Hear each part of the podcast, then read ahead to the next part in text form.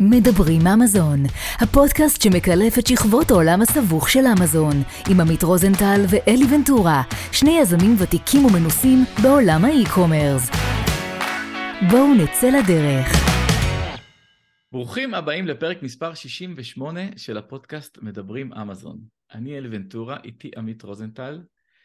מזכיר לכם שאת הפודקאסט שלנו אתם יכולים לשמוע בספוטיפיי, גוגל פודקאסט, אפל פודקאסט ולראות אותנו בערוץ שלנו ביוטיוב.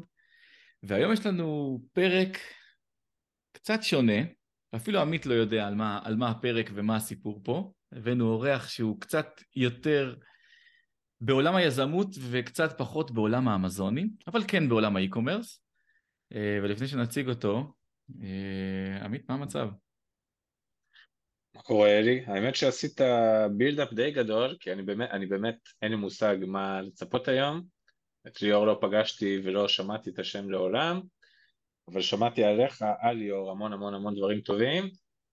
אז אה, קודם כל אני סבבה, אה, ליאור ברוך הבא. אה, מי שלא מכיר או מי שרוצה להכיר, אז בשורה אחת ליאור מייס... ליאור פוזין, פוזין עם נון. מייסד ומנכ"ל של פלטפורמה למסחר אוטומטית בעזרת drop shipping, קוראים לזה AutoDS. אז אה, ליאור, ברוך הבא, תודה שהצטרפת ושמחים שאתה לוקח חלק איתנו בפודקאסט. היי hey, כולם, אה, עמית, אה, אלי, תודה רבה על האירוח, ויאללה, נראה לי יהיה מעניין. אהבתי את זה שאני ועמית הולכים להכיר פה היום, ככה בלייב. גם ליאור שאל אותי כמה פעמים, מה, יש הכנה, עושים משהו, מה עושים לגבי הפודקאסט? אמרתי לו, שום דבר, אנחנו פשוט נגיע ונזרום, וגם עמית שאל אותי מי, למה, איפה, כלום. אז שניכם הולכים להכיר פה עולם יזמי מאוד מאוד מדהים. ליאור, תזכיר לנו בין כמה אתה? 27. 27. זה, זה חשוב. אה, אז ליאור, קודם כל ברוך הבא, תודה שפינית מהזמן. אה, אני יודע כמה אתה עסוק. אני מכיר את ליאור, וואו, מעל שש שנים לדעתי. ועכשיו שהוא אמר לי שהוא בן 27, אני מרגיש, כאילו אני מכיר אותו עוד מהתיכון, וזה מדהים כל הדברים שהוא הספיק לעשות עד כה. אז אה, ליאור, בוא תיקח אותנו חצי שנה לפני שאתה מתחיל את, את המסע שלך בעולם היזמות והאי-קומרס, מה אתה עושה באותה תקופה ומה גורם לך להיכנס לשם. טוב, אז קודם כל זה מאוד תלוי, כי צריך להבין חצי שנה לפני איזה מהמסעות, אבל uh, אני התחלתי בתחום האי-קומרס ויזמות וגם פיתוח בגיל 13, שזה לפני 14 שנה. וואו. אמ, הדבר הראשון שעשיתי באינטרנט היה למכור איזשהו פלאפון סיני שבכלל חיפשתי, חיפשתי אותו בשביל עצמי אמ, באי-ביי, אבל זה אפשר להיכנס לזה אחר כך, לצלול קצת יותר, אבל חצי שנה לפני זה כנראה שהייתי פשוט תלמיד, אה, אפילו לא תיכון, תלמיד חטיבה שלמד בבית ספר, אהב מחשבים, אהב אה, להתעניין בפיתוח אמ, וזהו, ואהב טכנולוגיה בגדול. מגניב. בצבא איפה היית אם אני יכול לשאול כאילו? בצבא הייתי ביחידה הטכנולוגית של מודיעין, אמ, כן, אפשר, אפשר לגלגל את כל המסד אז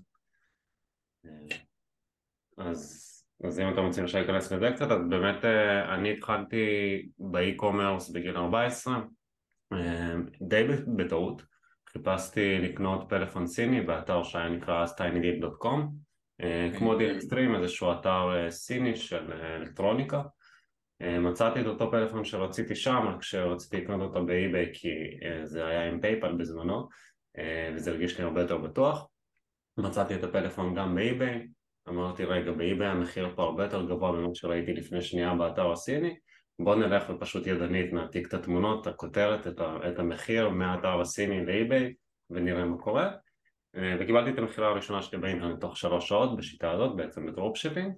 אה, בזמנו לא ידעתי בכלל מה זה dropshipping, לא ידעתי בכלל מה זה למכור באינטרנט ולא ידעתי בכלל מה, מה קורה מפה, כאילו איך הכספים מגיעים אליי, מה, מה אני עושה אה, וככה התגלגלתי לעולם הזה, במקביל לזה שגם הייתי מפתח אתרים לאנשים בתור, פשוט בתור עצמאי שעושה לאנשים פורומים ואתרים זה מה שעשיתי כמעט עד הצבא, אה, גם e-commerce, אה, גם את הבניית אתרים, אה, בניית פורומים באופן עצמאי ובמקביל לי, הייתה לי עוד חנות אינטרנטית של מכירת סיגריות אלקטרוניות פה בישראל שבעצם ממש החזקתי סחורה, זה התחיל גם בסוג של dropshipping ידני של בוא תביא לי כסף, עוד חודש המוצר אצלך. אז הייתי אוסף מאנשים כסף, מוכר את זה בכל מיני פורומים כמו תפוז וכאלה פה בישראל, מביא את המוצר, שולח אותו אליהם בדואר כזה שאוסף מהם כסף מזומן ומביא את אליי בחזרה. וככה התחלתי בתחום, ה, בוא נגיד, סחורות פה בישראל. הייתה לי מגירה בבית עם כזה סחורה שהזמנתי מסין עד שנתקעה לי פעם אחת במכס ואז גם זה היה איזשהו סיפור שהייתי צריך להתמודד איתו. אבל זה, זה ככה ההיסטוריה שלי עד הצבא, בעיקר פיתוח ומכירה באי-ביי פלוס חנות אה, פרטית כזאת. מה שמעניין אותי, כאילו מה שיותר מדהים בסיפור בעיניי זה שאתה כאילו, את החלק הכי מהותי בעיניי, כאילו זרקת את זה בנונשלנטיות כזאת שאמרת ראיתי שהטלפון עלה באתר הסיני, לא יודע, X, באתר ב-eBay Y, בוא אני אעתיק את התמונות, יעלה לשם, עצם הפעולה הזאת זו פעולה שליד בן 13 היא, היא אקסטרים בעיניי, כאילו לקחת את זה בכלל לחשוב את, את הדבר הזה, זה, זה מטורף בעיניי, יותר מכל דבר אחר פה. כאילו זה רוח היזמות אה, בבסיסה, לא? כן, אני חושב שזה שם, שם באמת, עד היום כשאני מסתכל על הסיפור הזה, אז אני אומר, עוד שם כנראה הבנתי איך לזהות את ההזדמנות ואת ה, הצורך ואת הפוטנציאל, אה, וזה כנראה הבסיס באמת לכל שאר המסע שלי שהגיע אחר כך, אבל אה, ככה באיזה שנה זאת הייתה? 13 שנים, זה היה 2010. 2010? כן. אוקיי, אה, זאת אומרת אנחנו ממש ממש בתחילתו של, של עולם האי-קומרס החדש, כמו שאנחנו מכירים אותו היום. כן, לא היה לי מושג בכלל, אפילו עד הצבא אני חושב, מה, מה בכלל אני עושה, איך, איך נקרא בכלל הדבר הזה של לקנות בלי להחזיק סחורה ולמכור אה, לבן אדם אחר, מה שהיום נקרא dropshipping ומאוד מאוד מוכר. אה, בזמנו לא הכרתי אף אחד שעושה את זה, לא היה קורסים, לא היה תוכנות. אה, זה ככה היה נראה העולם, מצד שני גם כל מוצר שהיית מעלה ל eBay בשיטה הזאת היית מוכר, אבל אה, זה ככה היה נראה העולם אז. תשמע, אני בגיל 13 בעיקר הלכתי לקנות נעלי כדורגל כדי לשחק כדורגל, ולא חשבתי על הנעל כדורגל שאני קונה כסחורה. המילה הזאת בכלל לא, לא הייתה מוכרת לי עד לפני איזה עשר שנים. שזה מדהים כשלעצמו. איפה גדלת? גדלתי בבאר שבע. בבאר שבע. אה, היו לך עוד חברים יזמים מהסביבה שדחפו אותך, משפחה, או שזה סתם משהו שפתאום עלה לך בראש? לא, האמת שהמשפחה שלי, אני חושב שאני היזם הראשון, או אפילו עצמאי הראשון אי פעם שהיה בכלל במשפחה שלי. אמ, אז לא, לא היה אף אחד שדחף אותי, גם, גם לא היום, כי זה, זה הגיע ממני. אמ, מבחינת חברים גם, לא היה אף אחד שקשור איכשהו ליזמות, תמיד הייתי חריג בנוף, תמיד אה, קוראים לי על זה שממציא כסף משום מקום. אבל, אה, אבל אה, לא, לא היה מישהו בסביבה עוד שהיה עושה את הדברים האלה. אה, בצד של הפיתוח כן, הייתי בכל מיני פרויקטים של פיתוח, שגם אליהם הגעתי לבד, התמיינתי לבד והתקבלתי לבד, שהם יותר היו במטרה להכין אותי לצבא, ליחידה שהייתי בה, אבל זה היה ממש פרויקטים טכניים, לא פרויקטים יזמיים. אוקיי, אז בוא, בוא נתקדם עם הטיימליין, הגעת לצבא, בצבא בעצם הפסקת פעילויות יזמיות כי היית כל כולך בצבא או תוך כדי היית עושה כל מיני דברים? אז מאוד ניסיתי בצבא להבין איך פותחים אה, עסק, מסתבר שזו משימה בלתי אפשרית. אה, אז אה, היום, אם, אם במקרה מישהו מקשיב לכם והוא לפני הצבא, אני ממליץ לעשות את התהליכים האלה לפני. אבל בצבא זה פשוט בלתי אפשרי להצליח לפתוח עסק בצורה פורמלית ולכן עצר אותי הכל, התרכזתי בנטו איך אני נהיה הכי מקצועי שאפשר ברמה הטכנית הלכתי עולים, באמת גם בצבא למדתי כל הזמן, גם אחרי הצבא וזה מה שעשיתי הייתי שנתיים ראשונות מפתח, אחר כך שנה נוספת, uh, קצת פחות משנה הייתי ראש צוות אה, ואז השתחררתי, אבל בצבא באמת אמרתי אני all in בתוך תחום הפיתוח, איכשהו גם אז היו לי מחשבות שאני אצא ואני אהיה מתכנת ולכן אני חייב להיות הכי מקצועי שיש, אה, אבל, אבל זה, זה מה שקרה. דרך אגב זה לא קורץ לך? לא קורץ לך להיות אה, כאילו מתכנת בהייטק, להרוויח בוכטות של בוכטות של כסף? אז אני חושב שה... זה הפעם הראשונה שאני הולך לדבר על הדבר הזה עכשיו ברעיון פומבי. אבל גם כשהתחלתי את AutoDS אז כבר אז עשיתי בעצם dropshipping על מפתח. זאת אומרת עבדתי בחברה, לקחתי מפתח אחר והוא, והוא עשה את העבודה, עזר לי בעבודה שלי באותה חברה כי הייתי צריך להתמקד ב AutoDS הצעד הכי קשה שלי היה באמת לבוא ולעשות את הצעד אחורה לגמרי מהפיתוח. לדוגמה היום אין לי, אין לי מושג, אני, אין, לי, אין לי דרך לכתוב קוד במחשב אין לי שום דבר שקשור לטכני על המחשב. אמ, אז זה היה איזשהו רגע כזה של אוקיי אני לוקח צעד אחורה ממשהו שכל החיים כל כך השקעתי בו וגם הייתי די טוב בו אבל מהצד השני בסוף הבנתי שמה שמעניין אותי זה ליצור דברים ולא ממש לבנות אותם בפועל אמ, ולכן זה באמת עזר לי להבין שזה בסדר שאני לא מתכנת, אני לא, לא חייב את זה אה, אז לא, אני לא מצטער והיום זה באמת אה, הדבר הנכון מבחינתי. אז השתחררת מהצבא וטיול גדול, אם אני מבין נכון, לא עשית? עשיתי חודש אה, אחרי שהשקנו את הבטא של מה שתכף נדבר עליו אני מניח אבל השקנו איזשהו בטא של החברה שלנו. טסתי לחודש שבו הייתי משותף בכל היום בהודעות וחזרתי שם זה נגמר. הטיול הגדול שלי היה נראה טיפה אחרת זה היה חצי שנה של טיול עם אחד השותפים בחברה אמ, שהיינו המון במזרח, עברנו בין בתי, עשינו סוג של דיג'יטל נומן כזה תוך כדי שאנחנו מנהלים את החברה אז זה היה הטיול הגדול שלי אוקיי, okay, אז השתחררת מהצבא, אמרת לא מעניין אותי לעבוד בהייטק, אני רוצה לעשות משהו שלי. איפה מתחילים? אז אצלי התהליך היה אחר, זאת אומרת זה לא שישבתי בבית ואמרתי איזה, איפה יש צורך בשוק ומה אני עושה כדי אה, לכפר על הצורך על זה שאם הייתי מתחיל מההתחלה כנראה שזה התהליך שהייתי עושה אה, הקמנו את AutoDS בכלל כפלטפורמה שאמורה לסחור, לא כפלטפורמה, כתוכנה שאמורה בכלל לסחור בשבילנו בצורה אוטומטית. זאת אומרת אני הכרתי את תחום ה dropshipping, הכרתי את תחום הפיתוח אמ, אמרנו השותף ואני בואו נעשה תוכנה שתייצר עבורנו חנויות בצורה אוטומטית. תמצא מה למכור ב eBay בצורה אוטומטית תעלה את המוצרים האלה לחנויות שלנו עם איזשהו אה, אקסטרה רווח מול הספק תבצע את ההזמנות בצורה אוטומטית וזהו זאת אומרת התכנון היה תוכנה שכל מטרה, מטרתה זה לעשות רווח בצורה אוטומטית עבורנו בתור איזשהו lifestyle business כזה שירוץ מהצד ובמקביל נוכל לעשות מה שאנחנו רוצים לעשות, זאת אומרת, פשוט שיהיה, שיהיה את הדבר הזה שרץ ומכניס לנו אה, רווח.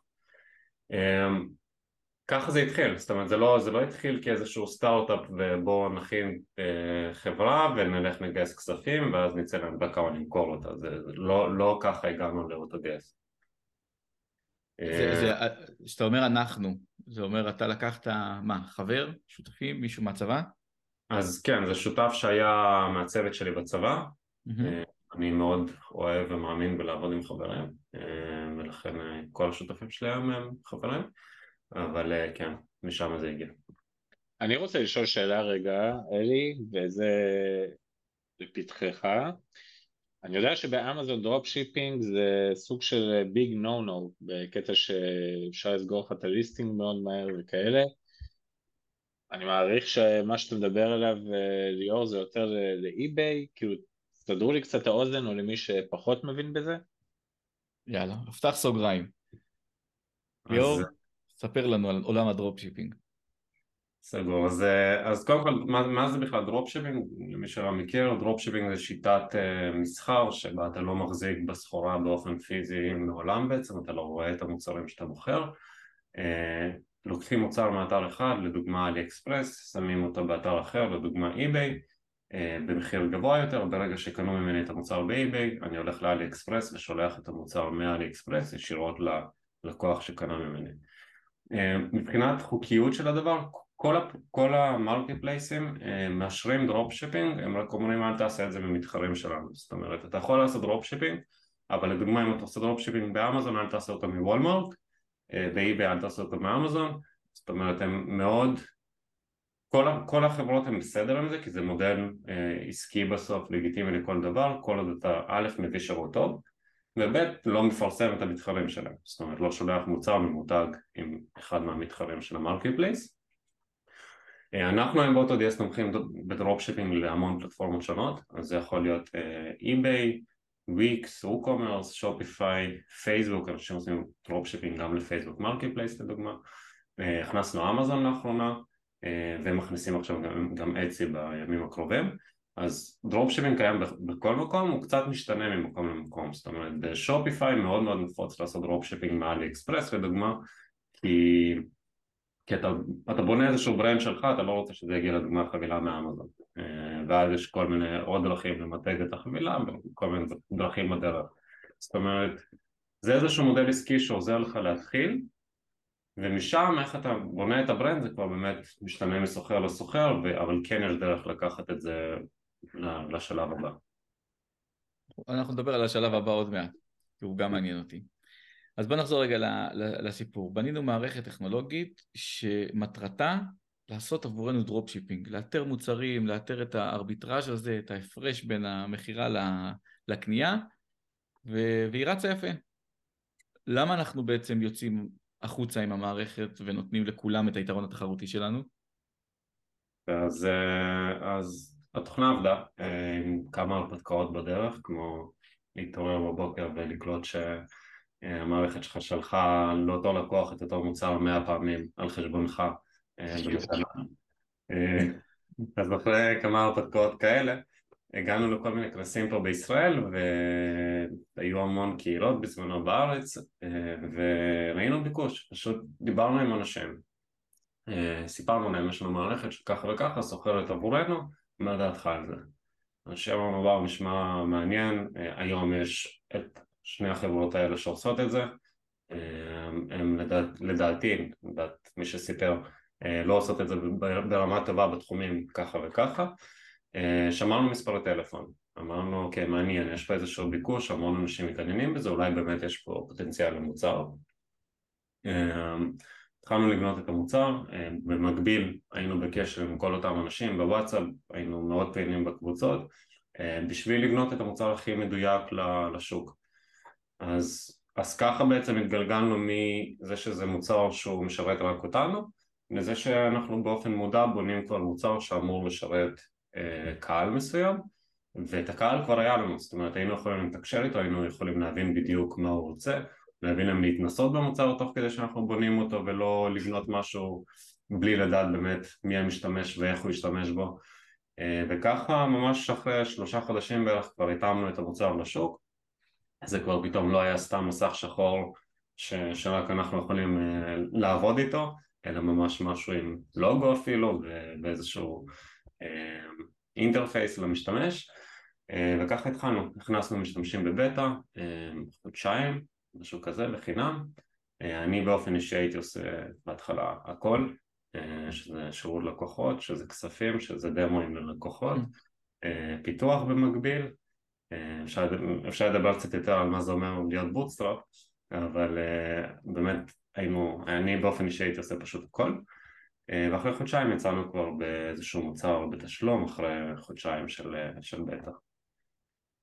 אני רוצה רגע לדבר על, ה, על, על משהו ש, שליאור זרק מקודם. בעולמות ההייטק והסטארט-אפים בכלל, אה, אנשים, אתה יודע, יוצאים מבית ספר, יוצאים מ-8200 ואומרים, יאללה, אני מקים סטארט-אפ, בוא נחפש איזה בעיה ונמצא לה פתרון, נכון? זה הדבר הראשון שאומרים.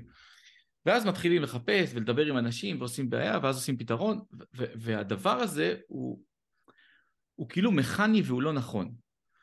הדרך, כמו שאני רואה, וראיתי המון המון סטארט-אפים או, או כלים ש, שגדלו בצורה הזאתי, ו- וזאת הדרך הנכונה להצלחה לדעתי. זה בן אדם ששם משהו, כלי, שישמש אותו מתחום הידע שלו, מההתמחות שלו, הוא עשה אותו בצורה הכי טובה שיש, לשימושים שלו, ואז אמר, רגע, למה שרק אני אהנה מהדבר הנפלא הזה? אני יכול להוציא את זה להמון המון אנשים, אני כבר מבין מה האנשים האלה רוצים עוד לפני שהם יודעים שהם רוצים אותו. אז נכון, אני צריך לשמוע אותם, אני צריך להקשיב להם כדי לייצר משהו שאולי אני לא חשבתי עליו, אבל 50, 60, 70 אחוז מהידע ומהניסיון אני כבר שמתי במערכת. ולכן הדרך של מערכת כזאת היא ליפול היא, היא, היא קלושה, זאת אומרת הסיכוי שלה ליפול היא, היא באמת נמוכה, תקנו אותי אם אני טועה.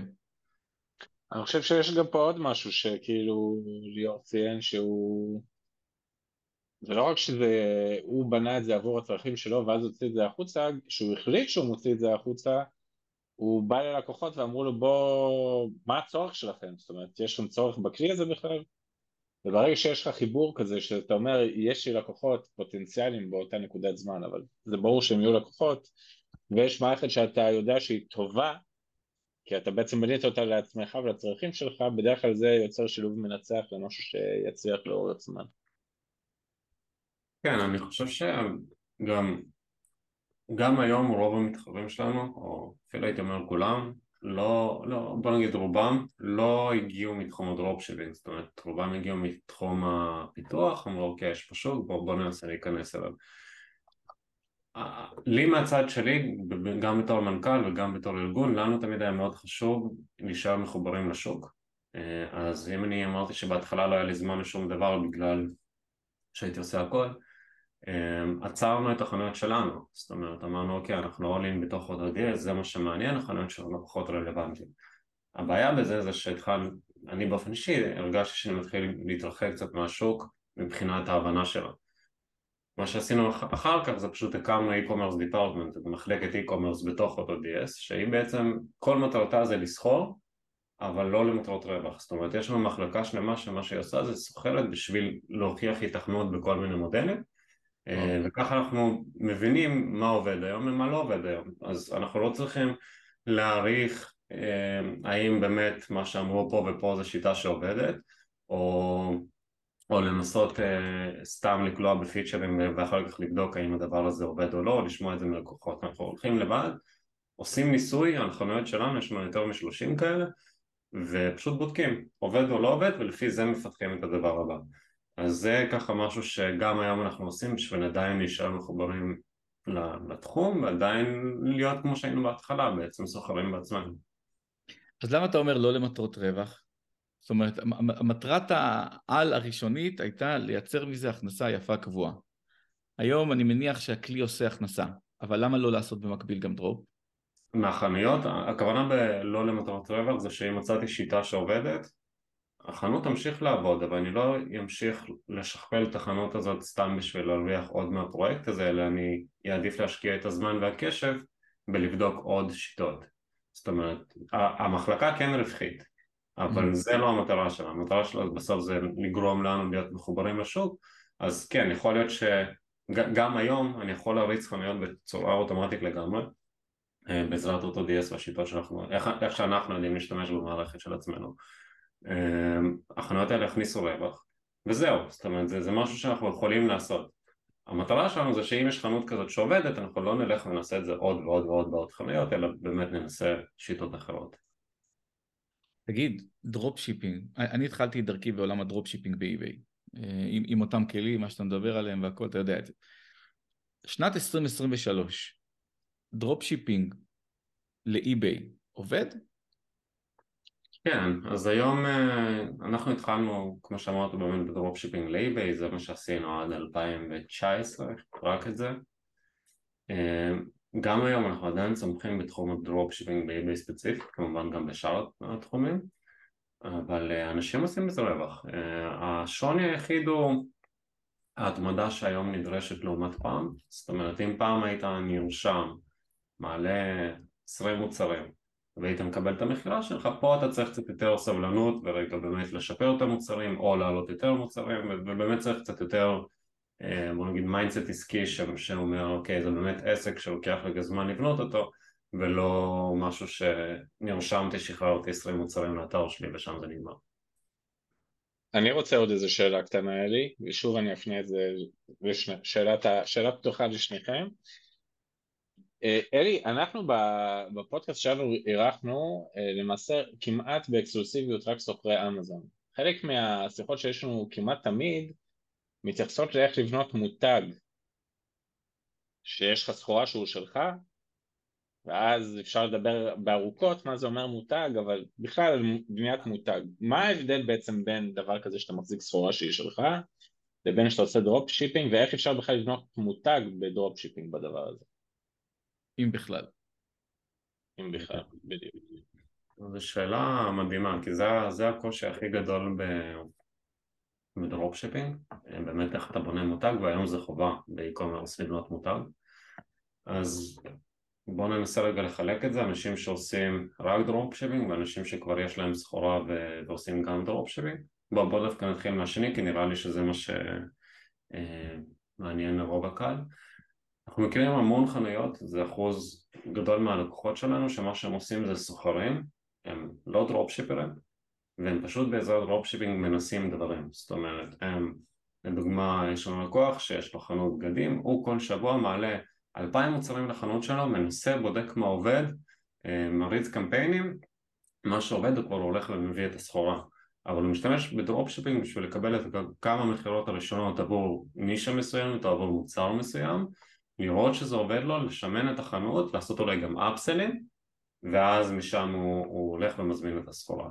זאת אומרת זה איזשהו דרך להוריד את ה risk, זה לא אומר שאתה בהכרח עושה רק dropshipping עכשיו בתחום של רק dropshipping גם לזה יש פתרונות. לדוגמה עכשיו אנחנו מוציאים מערכת שמה שהיא עושה זה pick and pack בסין מה זה אומר? אתה אומר לנו אה, תקשיב AutoDS זה המוצר שאני רוצה אה, אני רוצה לעשות לו dropshipping מה שאנחנו עושים זה הולכים, מוצאים את המוצר בסין, שולחים אותו למחסנים שלנו שם ממתגים מחדש עם הלוגו שלך ושולחים ללקוח. בצורה הזאת בעצם אין, אין שום שינוי חוץ מהזמני שילוח שגם הם יחסית מהירים היום אה, בין זה לבין ממש להחזיק בסחורה כי המוצר כבר מגיע עם מדבקה שלך, אתה יכול לשים תווית שלך אם זה בגדים, ממש לעשות rebranding מלא למוצר בסין זה לוקח, זה מוסיף רק יומיים נוספים לשילוח כל הסיפור הזה. אה, וזהו.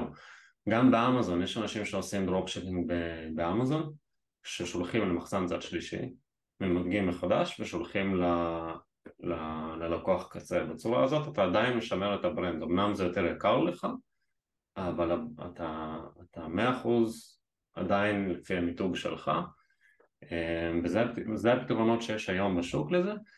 אמ, ומי שלא עושה את הדברים האלה, לדוגמה סוחרים באי-ביי, הם מנסים למתג את החנות בדרכים אחרות, לדוגמה העיצוב של החנות העיצוב של הליסט עצמו באי-ביי, אמ, ההודעות שהוא שולח, הטון שלהם, השירות לקוחות שהוא מביא, זאת אומרת בסוף מותג זה לא רק הלוגו או החבילה, מותג זה גם איך השירות לקוחות שלך, אז, אז אנחנו הולכים ואומרים את זה תמיד לסוחרים, סוחר שהרבה סוחרים לדוגמה נחסמים ב eBay ואומרים זה בגלל drop shipping, לא, זה בגלל שהבאת שירות לקוחות לא טוב לקונים שלך.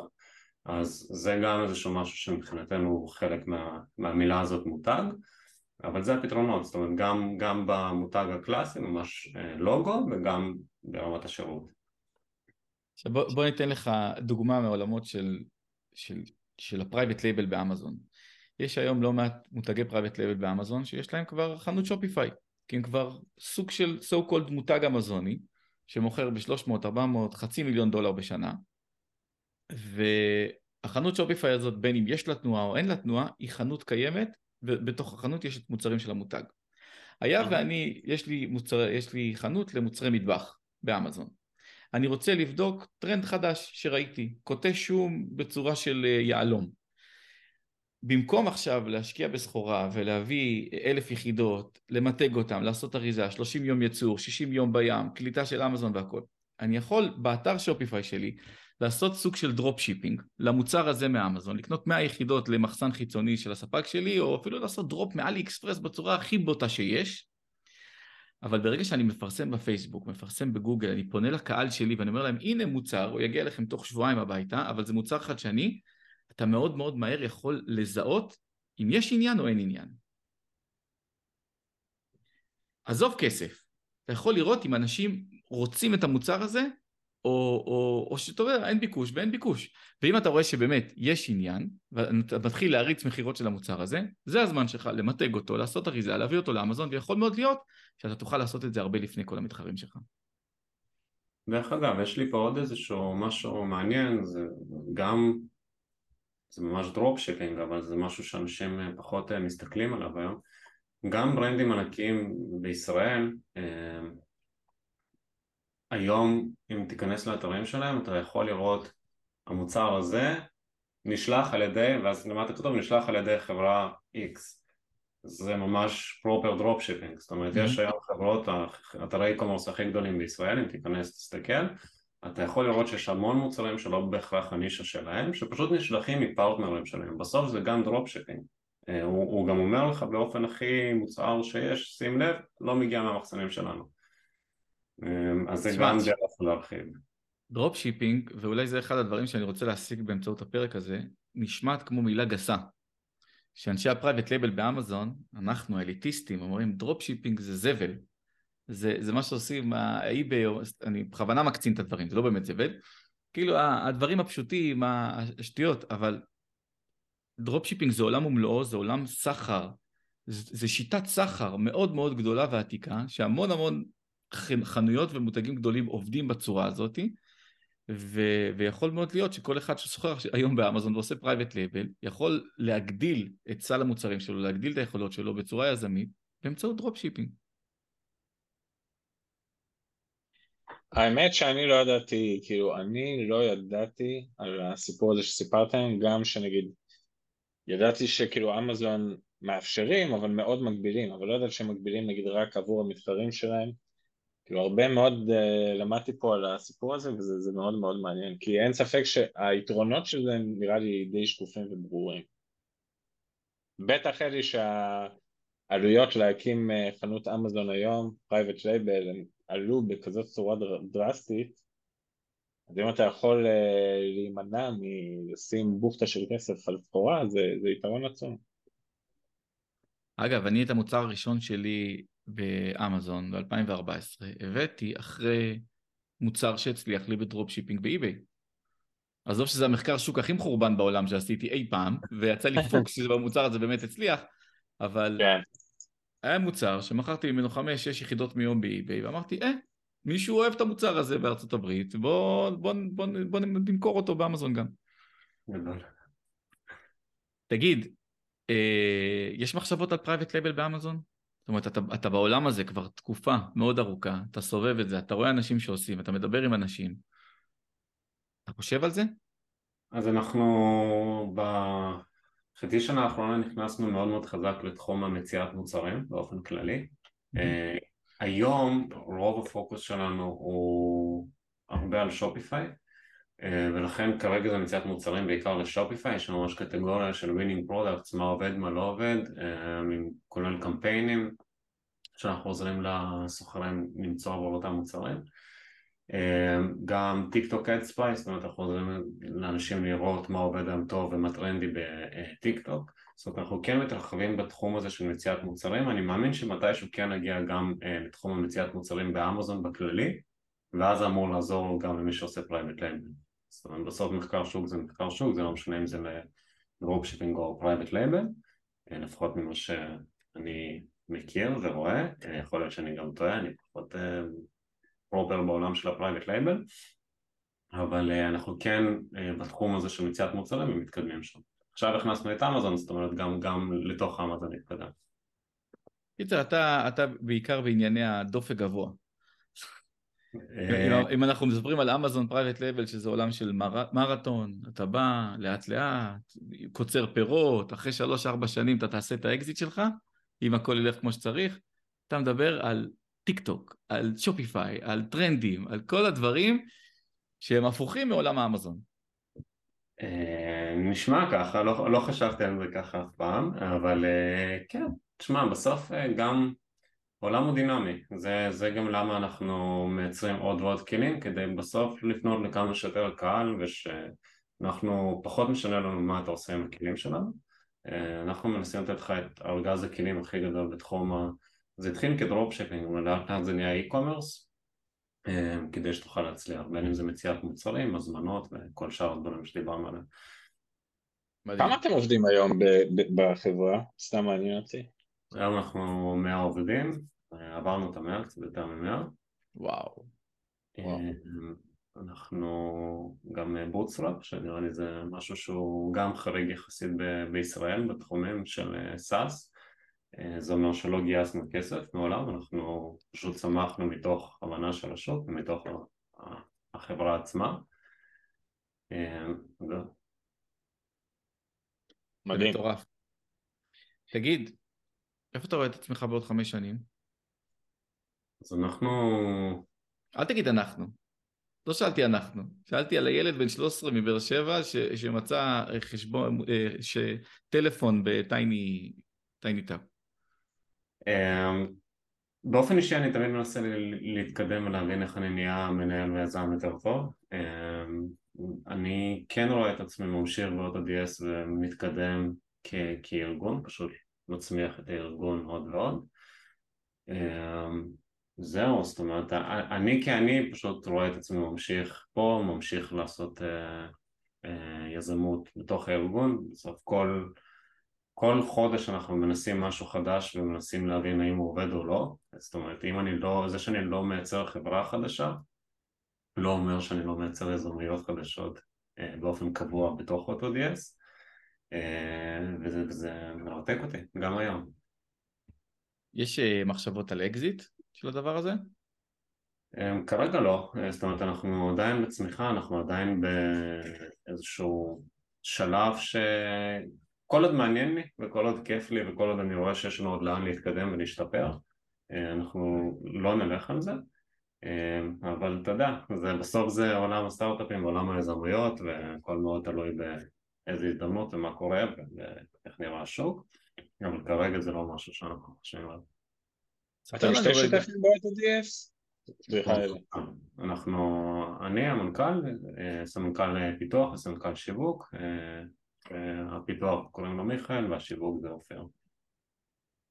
כן. ספר לנו על איזה אתגר ממש ממש גדול שהיה לך בשנים האחרונות, שהכניס אותך לפינה שאתה אומר וואלה אני לא יודע איך להתמודד איתה.